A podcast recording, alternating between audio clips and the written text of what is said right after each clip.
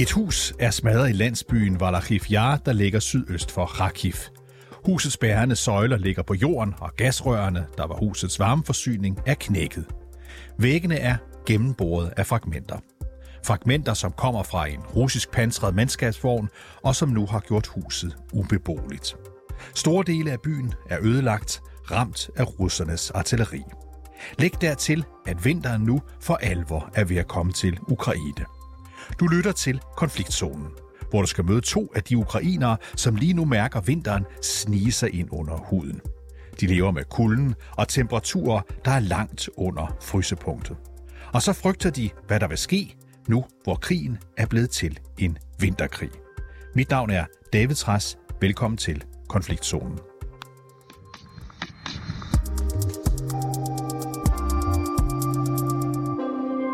Russerne flyttede ind i nabohuset til 59-årige Anatoli, som har fået øh, genopbygget sit hus og har hjulpet naboerne med også at øh, få forbedret skaderne efter de hårde kampe.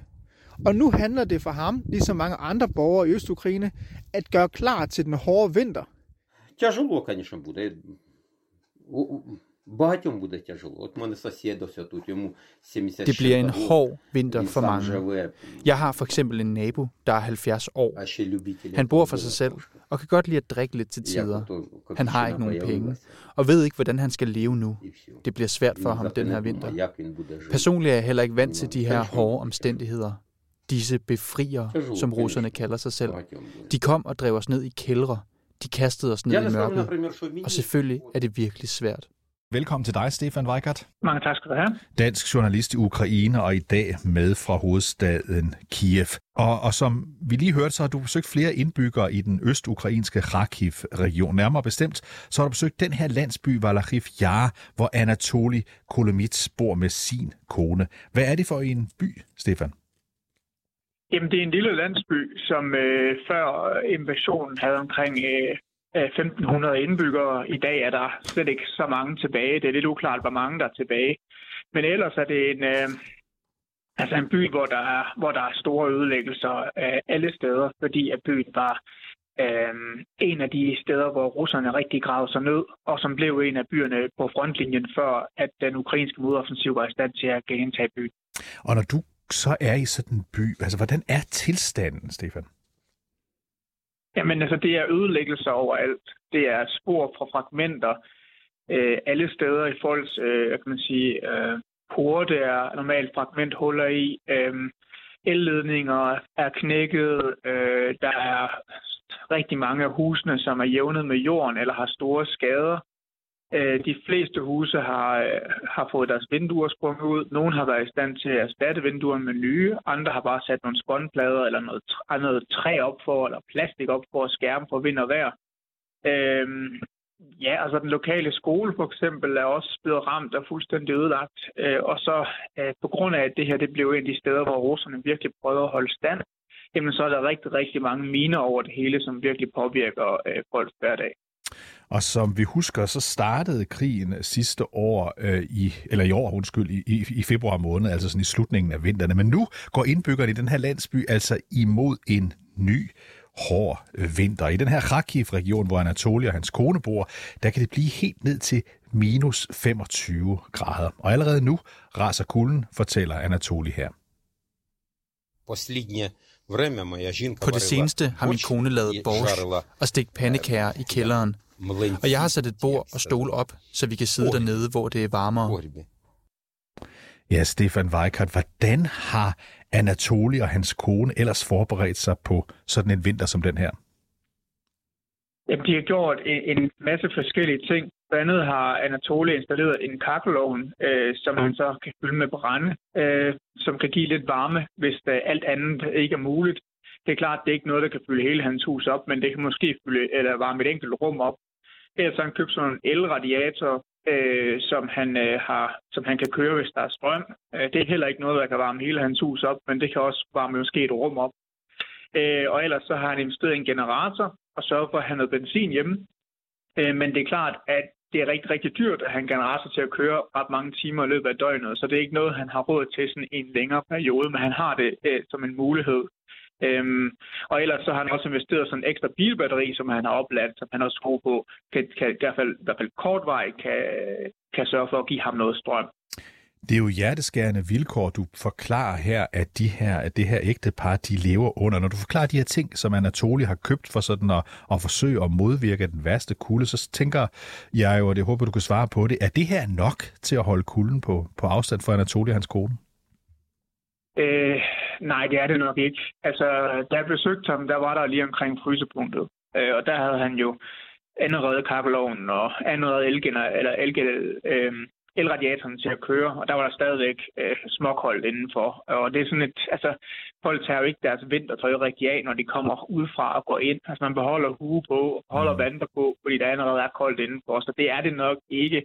Og nu er der omkring frysepunkt, der er besøgt ham, men altså, det bliver jo meget, meget værre, hvis der bliver øh, minus 25 grader i den her vinter, så bliver det rigtig, rigtig svært. Øhm, men altså, folk regner med, at de må forsøge det bedste, de kan, og så må de tage noget, noget mere tøj på. Da Rusland invaderede Ukraine i begyndelsen, undskyld, i slutningen af februar, der gik der ikke ret lang tid, før russerne ankom til netop øh, landsbyen øh, Valachiv Yar. Russiske, styrker, øh, russiske styrker de angreb flere bygninger i landsbyen, blandt andet huset lige ved siden af Anatolis. Huset blev beskudt af en pansret mandskabsvogn. Bare se, hvordan søjlerne er jævnet med jorden. Folk led meget, selvfølgelig. Og mange rejste fra byen. Folk boede her jo med deres små børn, og ødelæggelserne var alvorlige. Gasrøret var knækket, og så satte russerne det her hegn op.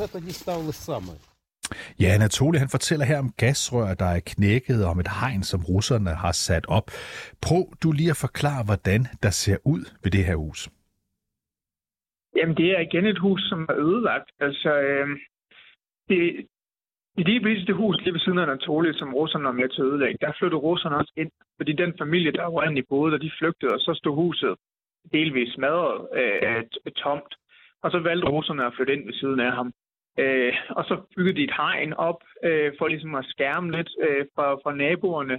Og, og i dag, jamen altså, fordi det også er blevet ramt efterfølgende af, af ukrainerne, fordi at øh, russerne holdt til der, jamen så er det, så er det et hus, der er ødelagt. Øh, og, og de her, det hegn, som russerne satte op, er, er gennemhullet af fragmenter, som er fløjet både til højre og venstre omkring øh, bygningen. Um, så det, det, det er store ødelæggelser. Og for uden at russerne altså har ødelagt mange bygninger i byen, så fortæller Anatoly, at russerne plyndrede skolen i byen. Da russerne kom til byen, begyndte de straks at plyndre vores lokale skole. I flere år i træk tog vores landsbyskole førstepladsen i Kharkiv-regionen med hensyn til udstyr. Men alt det blev røvet fra os, da russerne invaderede. Da de kom, røvede de også vores butikker, og så lossede de bare alt deres ammunition og raketter til diverse våben af midt i byen. Skolen den ligger helt i udkanten af byen, så det var noget af det første, som russerne mødte, da de invaderede landsbyen. Hvad skete der med skolen efterfølgende? Jamen det, som Anatoli og nogle af de andre i landsbyen fortæller, det er, at øh, russerne tog derind, øh, tog alting, alt udstyr, alle computer og sådan noget, øh, alt det, der ligesom havde en værdi, øh, og så låste de det på deres, øh, deres køretøj, og så tog de det med. Øh, og så øh, på et tidspunkt så etablerede de også en form for base øh, på skolen. Øhm, I hvert fald det, som jeg kan få at vide. Altså, hvor, fordi skolen er ideelt for at indrette i forhold til at lave køjeseng. Altså, der kan være en masse soldater, som kan sove i de der tidligere klasselokaler. Øhm, og så blev den så på et tidspunkt øh, ramt af, af ukrainerne, øhm, fortæller de lokale. Øhm, der russerne soldater var derinde, og nærmest var en form for russisk militærbase. I landsbyen der, Valachif Yar, der bor også 55-årige Vira Kusnajova. Øh, hun blev skadet af et artilleriangreb, da russerne angreb, og angrebet har simpelthen ødelagt hendes fod, så hun næsten ikke kan gå i dag. Øh, hvordan skete det her, øh, Stefan? Hun var gået ud i sin, i sin sådan lidt forvoksede køkkenhave, fordi det er sådan en landsby, og mange lokale, de, de lever af sådan en større køkkenhave, som de har til supplere deres indkomst. Så hun var gået derud, øh, og så var der så på et tidspunkt, hun kunne høre den der viskende lyd fra, fra artilleri, der kom ind og slå ned øh, et sted lidt, lidt herfra hende, øh, tæt på en nabo, som også var ude i sin, ude i sin have. Øh, han døde øh, mere eller mindre på stedet. Han nåede at mod operations, øh, men, men, men døde inden han overhovedet blev opereret. Øh, og så, øh, og så hende selv kunne bare mærke smerte på hendes højre øh, fod, øh, hvor nogle fragmenter var fløjet og ramt hende. Øh, hun blev... Øh, øh, fortæller, at hun blev kørt ind øh, til operation og fik at vide, at hun skulle have amputeret den nedre del af, af højre fod. Men hun insisterede på, at de skulle forsøge at redde den. Øh, så i dag der var de så i stand til at redde den, men den er, altså, foden er selv måneder nu efter her stadigvæk øh, meget hævet øh, rød, og hun kan ikke rigtig ikke rigtig støtte på den, så derfor så bruger hun krykker nu. Og Vira, som du altså har mødt, hun fortæller også, at russerne udøvede meget streng kontrol over byens borgere, mens de var der.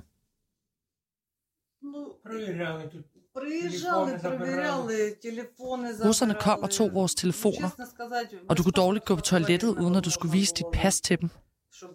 En dag smed de frø ud på midten af vores vej og sagde, tag dem, og så skød de op i luften med maskingevær. Vi skyndte os at tage frøene. De føler en form for magt, fordi de har våben. Og hvem er vi til at stå imod? Ja, Stefan Weikert, du har som sagt lige besøgt den her by, Valachiv Jar. Hvilke synlige konsekvenser, du har allerede beskrevet mange af dem, men hvilke synlige konsekvenser vil du sige, at russernes invasion har haft for borgerne i Valachiv Jar? Jamen, i forhold til folks hverdag, så er det selvfølgelig klart, at ødelæggelserne generelt har en, har en stor indvirkning på det. Men, men de folk, som er blevet tilbage, har været i stand til sådan i hvert fald i et eller andet omfang at, at genopbygge deres huse. Øh, de huse, der er helt smadret, der er folk jo flygtet. Øh, men de har stadigvæk svært ved at komme tilbage til en hverdag alene. De kæmper på den ene side for ligesom at holde kulden ude. På den anden side så prøver de også at komme tilbage til en hverdag mere generelt set. Men de har mistet rigtig mange ting. Øh, flere fortæller, at russerne har taget alt deres udstyr, telefoner, computer og sådan noget, og det har ikke rigtig noget, som folk har penge til at erstatte. Øh, så mange går rundt med nogle ældre mobiltelefoner nu, de har skravet sammen til i stedet for det, som de har haft før. Men ellers så er, der, er de også enormt præget generelt set af de her miner, som der er efterladt tilbage. Altså minerydningen, som er startet i, i Ukraine i nogle af de her områder tilbage på ukrainsk kontrol, er ikke kommet til landsbyen her. Og, og der er miner overalt. Altså beskrevet af nogle af landsbeboerne, at, at, at hver aften, så kan de høre eksplosioner ud på markerne af, øh, fordi at det her, hvad kan sige, rådyr og sådan noget løber over markerne og, og rammer de her miner. Øh, flere folks køkkenhaver øh, står der stadigvæk afgrøder på, og stadigvæk kål og sådan noget på markerne, hvilket er meget mærkeligt, for normalt så ville folk jo høste det øh, på det her tidspunkt, men folk tør simpelthen ikke gå ud på deres køkkenhaver. De tør ikke gå ud på markerne, og, og landmanden, øh, den lokale landmand, som har rigtig mange marker omkring, kan heller ikke arbejde, fordi der er miner overalt. Altså der er selv miner øh, i, i midten af byen, i, i, i krydsene øh, i midten af byen, er der også miner i vejkantene, så, så folk de holder sig på asfalten og tør slet ikke at gå ud øh, på noget som helst græs. Og som om det ikke var slemt nok, det du beskriver her, ja, så ved vi, at de kommende måneder, ja, der bliver der endnu koldere. Du taler om helt ned til minus 25 øh, grader. Bliver der talt om, hvad den yderste konsekvens kan blive for den øh, ukrainske befolkning? Ja, det gør der generelt. Altså, de ukrainske politikere øh, siger, at øh, hvis der ikke kommer enormt meget hjælp fra Vesten i forhold til at hjælpe øh, med ukrainer med at holde varmen, jamen altså, så kan der komme en ny flygtningestrøm imod øh, EU af folk, fordi de simpelthen bliver tvunget til at flygte, på grund af, at de ikke kan holde varmen. At det er en humanitær krise, der venter på at, at, at komme, altså til at ske. Så det er, det er den konsekvens, der bliver snakket om, altså at, at, at folk simpelthen kan dø af det her. Ja, fordi det må jo være en konsekvens af den situation, de er i, at dødsfald af kulde simpelthen er, er en risiko. Prøv lige at forklare, øh, Stefan, du siger, at der er et behov for nødhjælp, altså fra, fra Vesten, for eksempel fra Danmark og resten af Europa. Hvor stort er det behov? Jamen, det er rigtig stort i, i forhold til sådan, altså, øh, at sørge for, at folk kan holde varmen, og folk kan få en, øh, fylde deres mave op. Altså, i nogle af de her landsbyer, hvor folk normalvis har været øh, har været altså, ledet deres køkkenhaver, der har de måske ikke haft i stand til at høste noget. Det vil sige, de har ikke fået deres kartofler og sådan noget, også øh, forrådet bygget op i deres kælder og sådan noget. Så de har også behov for, at der kommer mad ind øh, løbende her over vinteren. Og så er det spørgsmål med varmen her. Altså de ukrainske myndigheder har etableret flere sådan form for varmestuer rundt omkring i nogle af de her byer, hvor de har lavet skoler og børnehaver om til, øh, til steder, hvor der er kakkelovne og, og så videre, og så mulighed for at holde varmen i nogle klasselokaler. Men det er bare ikke nok. Altså i nogle byer, hvor der måske er 25.000 mennesker, jamen der er der måske øh, lavet øh, noget, der svarer til 7-8 øh, klasselokaler, hvor folk kan holde varmen af de her skoler og børnehaver. Og det er slet ikke nok. Så, så, så det, som ukrainerne mener, det er, at de har brug for meget mere udstyr. De har brug for flere generatorer. De har brug for en rigtig, rigtig mange ting for at kunne etablere flere steder, hvor ukrainerne kan holde varmen, hvis det hele skulle se rigtig, gå til at gå rigtig, rigtig dårligt her til vinter.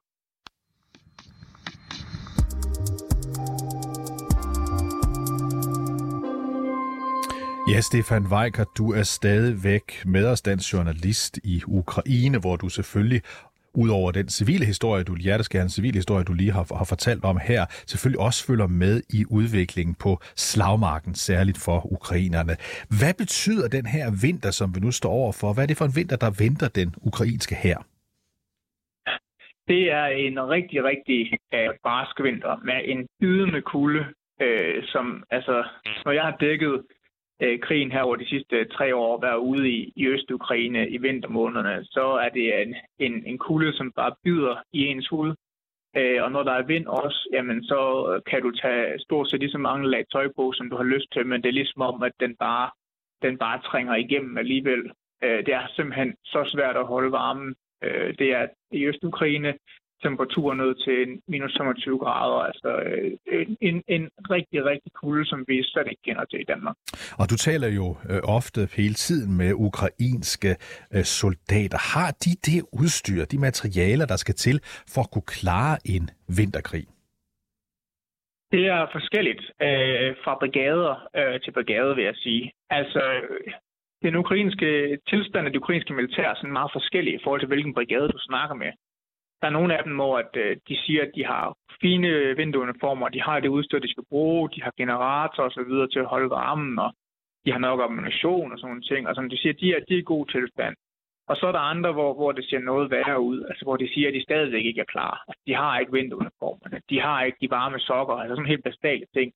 Øh, og de mangler generatorer og så forskellige andre ting. Øhm, og, og ukrainske militær øh, giver udstyr det, som de har, Vesten kommer med udstyr også, som det ukrainske militær deler ud til nogle af brigaderne. Men mange af brigaderne står tilbage med, med selv og prøver at samle penge ind fra deres, øh, fra deres familie og venner, og fra folk i Vesten, blandt andet ved at lave kampagner på de sociale medier for at samle penge ind, så de kan købe det her øh, vinterudstyr. Så det er sådan lidt meget forskelligt. Øh, et ukrainsk militær dele er klar, og, og andre er, er slet ikke. Ved vi noget om, om ukrainske soldater trods alt er par bedre udstyr til vinterkrigen, end russerne har? Det er svært for mig at sige. Jeg øh, har hørt, hvad, hvad, hvad udstyr russerne har, sådan lidt igennem andre medier også, der eksperter fordi Det er svært at vurdere for mig, hvordan de, øh, hvordan de står over for hinanden. Øh, men det, som man ligesom kan udlede, det er i hvert fald, der bliver snakket om, at, at begge sider øh, har problemer øh, i nogle dele her, men hvor store problemer russerne har sådan generelt set, og hvor store problemer ukrainerne har generelt set, er svært at sige. Men jeg kan i hvert fald forstå, at der er nogle eksperter, der peger på, at russerne har store problemer på grund af, at de har lavet så stor en mobilisering af hæren. Altså hæren er vokset så meget i Rusland øh, for at sende soldater ind i den her krig, øh, at de måske ikke er helt klar til, til det. Stefan, jeg dækkede i sin tid Tjetjenienkrigen i, i, i 1990'erne. Dengang slog det mig, at de kamp, den måde øh, kampene udfoldede sig på, det mindede nærmest om Første Verdenskrig. Og nu har jeg set billeder af skyttegrav og den slags ned fra den krig, du dækker. Er det simpelthen som om, øh, det ligner noget fra fortiden, de her krige? Jamen, det gør det. Altså, altså jeg har for eksempel været øh, i Makivka, som er en, øh, som er en lille landsby op i den nordøstlige del af, Ukra- af Ukraine, 800 meter fra de russiske positioner, så der er et skyttegrav længere ude. Øh, men jeg er lige før skyttegraven starter, og man, altså man kan bare se, at, at alting er bare jævne med jorden. Altså husene er jævne med jorden, træerne står tilbage uden, øh, øh, altså, uden grene på, altså bare sådan to nøgne stammer nærmest, øh, skudt i stykker af fragmenter osv. Øh, altså det er sådan nærmest nogle billeder ikke, af de der øh, landområder, som du, som du har set fra Første Verdenskrig, hvor, hvor alting bare er smadret, og hvor der er artillerikrater alle steder. Det, det, det er meget voldsomt, og det som soldaterne, de ukrainske soldater fortæller mig, det er jo, at de sidder over for hinanden i skyttegrave. Nogle steder er der 400 meter øh, fra den forreste ukrainske skyttegrav til den forreste russiske. Andre steder er de nede på en 50 meter afstand på hinanden. Mm-hmm. Øh, og så lige pludselig så begynder russerne at bombardere de, de ukrainske positioner med artilleri, øh, og så bliver der stillhed, og, og så kan de se, at russerne rejser op på skyttegraven og, og løber mod ukrainernes positioner. Øh, ukrainerne forsvarer sig, og så øh, udspiller det samme scenarie sig igen og igen og igen. Og det er klart, at det, det, det minder jo om noget, som man som har set i videoer, øh, dokumentarer og så videre, og læst om i bøger omkring Første Verdenskrig. Nu nævnte du selv lige før, at du har dækket den her krig i tre år. Det er selvfølgelig, fordi krigen øh, har varet siden en, russernes invasion af Krim siden 2014, særligt herover i det østlige Ukraine, Donbass-området. Kan ukrainerne øh, drage nogle fordele ved, at øh, de, om jeg så må sige, er vant til at føre krig? Det kan de måske godt, men, men på den anden side er der jo også russerne også vant til det. Altså de, de, altså, de har jo også været en del af den her krig, så der er også nogen på den anden side. Det er klart, at, at, at ukrainerne har, har noget erfaring også med, med, med det her krigsførsel her, der den, de har rigtig, rigtig hårde kulde i Øst-Ukraine, de kan måske drage på nogle erfaringer. Det, der får mig til at være lidt skeptisk på, hvor meget de kan drage på, det er, at mange af de erfarne øh, ukrainske soldater, som har kæmpet siden 2014 ude i skyttegravene i Øst-Ukraine, mange af dem øh, er simpelthen døde eller såret i kampene, mm. øh, især efter den virkelig, virkelig hårde øh, russiske angreb øh, tilbage over sommeren, hvor vi jo hørte omkring, at øh, Ukraine mistede mellem 100 til 300 soldater om dagen i, i kampen ud i Øst-Ukraine. Mange af dem, der døde dengang, var nogle af de meget erfarne øh, øh, ukrainske soldater. Så spørgsmålet er, hvor mange af dem, der er tilbage, og i hvilken, øh, i hvilken omfang de kan træne de nye unge rekrutter, som jo ofte kommer med minimal øh, erfaring til fronten. Stefan Weigert, tak fordi du var med i programmet, og pas godt på dig selv. Altså dansk journalist i Ukraine med i dag fra Kiev.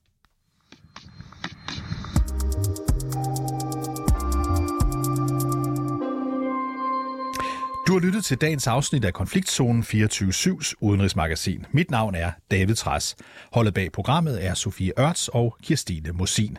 Du kan lytte til programmet direkte. Det kan du mandag til torsdag fra kl. 8 til kl. 8.30. Men du kan selvfølgelig også høre programmet som podcast.